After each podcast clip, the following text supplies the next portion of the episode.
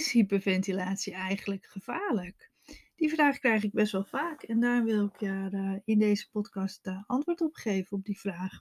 Laat ik je eerst geruststellen. Hyperventilatie is niet gevaarlijk.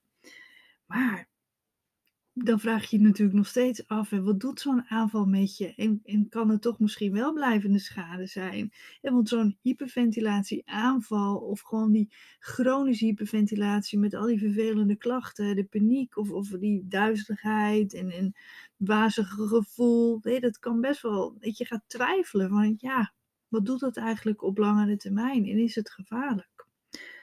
Want ik snap die twijfels in die vraag natuurlijk best wel. Want iets wat je zo laat twijfelen aan je eigen lichaam, zo heftig kan zijn. In je leven vaak ook zo beperkt. Dat is gewoon heel beangstigend en dat maakt je gewoon heel onzeker. Maar ja, ik ga eerst toch weer even uitleggen wat hyperventilatie is. Hè? Want als wij, dat is belangrijk om eventjes toch weer te, te luisteren, te horen. Want als wij stress ervaren, dan wil je lichaam je helpen. En hierdoor worden dus stresshormonen aangemaakt die je helpen willen om die stresssituatie aan te kunnen. Je bloed gaat sneller pompen, je spieren krijgen extra zuurstof, je spijsvertering verandert en die ademhaling versnelt zich. Hè? Onder andere, er gebeurt nog veel meer, maar dat is eventjes wat er, uh, een korte samenvatting. En er gebeurt zoveel dat, dat het ervoor zorgt dat jij kunt vluchten of vechten. Maar verbruiken wij die extra energie niet die vrijkomt, dan ontstaat er een onbalans in je lichaam. Je gaat dus meer ademen ten opzichte van wat je verbruikt. En dat noemen we dat dus hyperventilatie. Maar stresssituatie waarin we die extra energie die vrijkomt niet gebruiken, bijvoorbeeld je irriteert je in de file, je voelt je onzeker op je werk, je maakt je zorgen om een geliefde, je hebt ruzie met een goede vriend. En dat zijn allemaal situaties die ja, die, die heel veel stress kosten, heel veel energie kosten. Maar al die extra energie die vrijkomt, die verbruiken we niet. Want je blijft vaak gewoon stilzitten. Want je bent niet aan het vechten en je gaat ook niet vluchten. En hierdoor ontstaat dus die onbalans in je lichaam. En die onbalans die geeft je klachten. En want als we chronische stress hebben, dan krijg je chronische hyperventilatie. Tenminste, dat kan dan ontstaan. Het is niet natuurlijk bij iedereen zo. En je kunt dan heel veel verschillende klachten ervaren. Hè? Dus eh, die hoofdpijn, duizeligheid, maag-darmklachten, tintelingen, spierpijn, wazig zien en heel veel meer.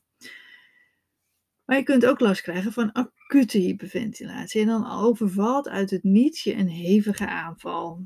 En meestal ervaar je dan bijvoorbeeld uh, hartkloppingen, zweten, heel wazig gevoel. Uh, het idee dat je flauw valt, dat je wegvalt. En vaak ook echt een intense angst. Nou, al die klachten die maken je vaak gewoon echt ontzettend onzeker. En dat is niet zo gek, want je gaat je toch afvragen, wat, wat doet dit met me? Is het toch niet gevaarlijk? Maar hyperventilatie zelf is dus niet gevaarlijk. Die onbalans die ontstaat in je lichaam geeft je dan wel allemaal vervelende klachten, maar het geeft geen schade en het is hierdoor dus niet gevaarlijk. Dat is belangrijk om te weten. En al die twijfels, want als je blijft twijfelen, dat is allemaal weer extra stress. Dan gaan we weer sneller ademen en houden we die onbalans in stand. Dus stel jezelf gerust, het is niet gevaarlijk. Maar ik wil toch een kleine kanttekening maken. Want we weten allemaal dat natuurlijk dat langdurige en chronische stress niet goed voor ons is.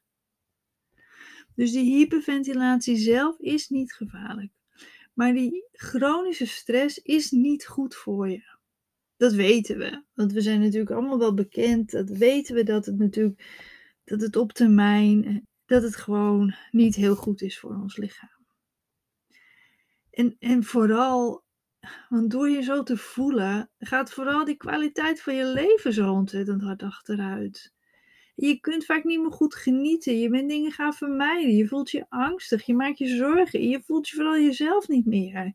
En al die klachten die je hebt. Dat je dingen niet durft, die niet doet. En dat je je gewoon steeds zo rot voelt. Ik bedoel, de kwaliteit van je leven. Ik vind het altijd een beetje een rotzin. Maar het, het, het, het het, ja, het is wel hoe het is.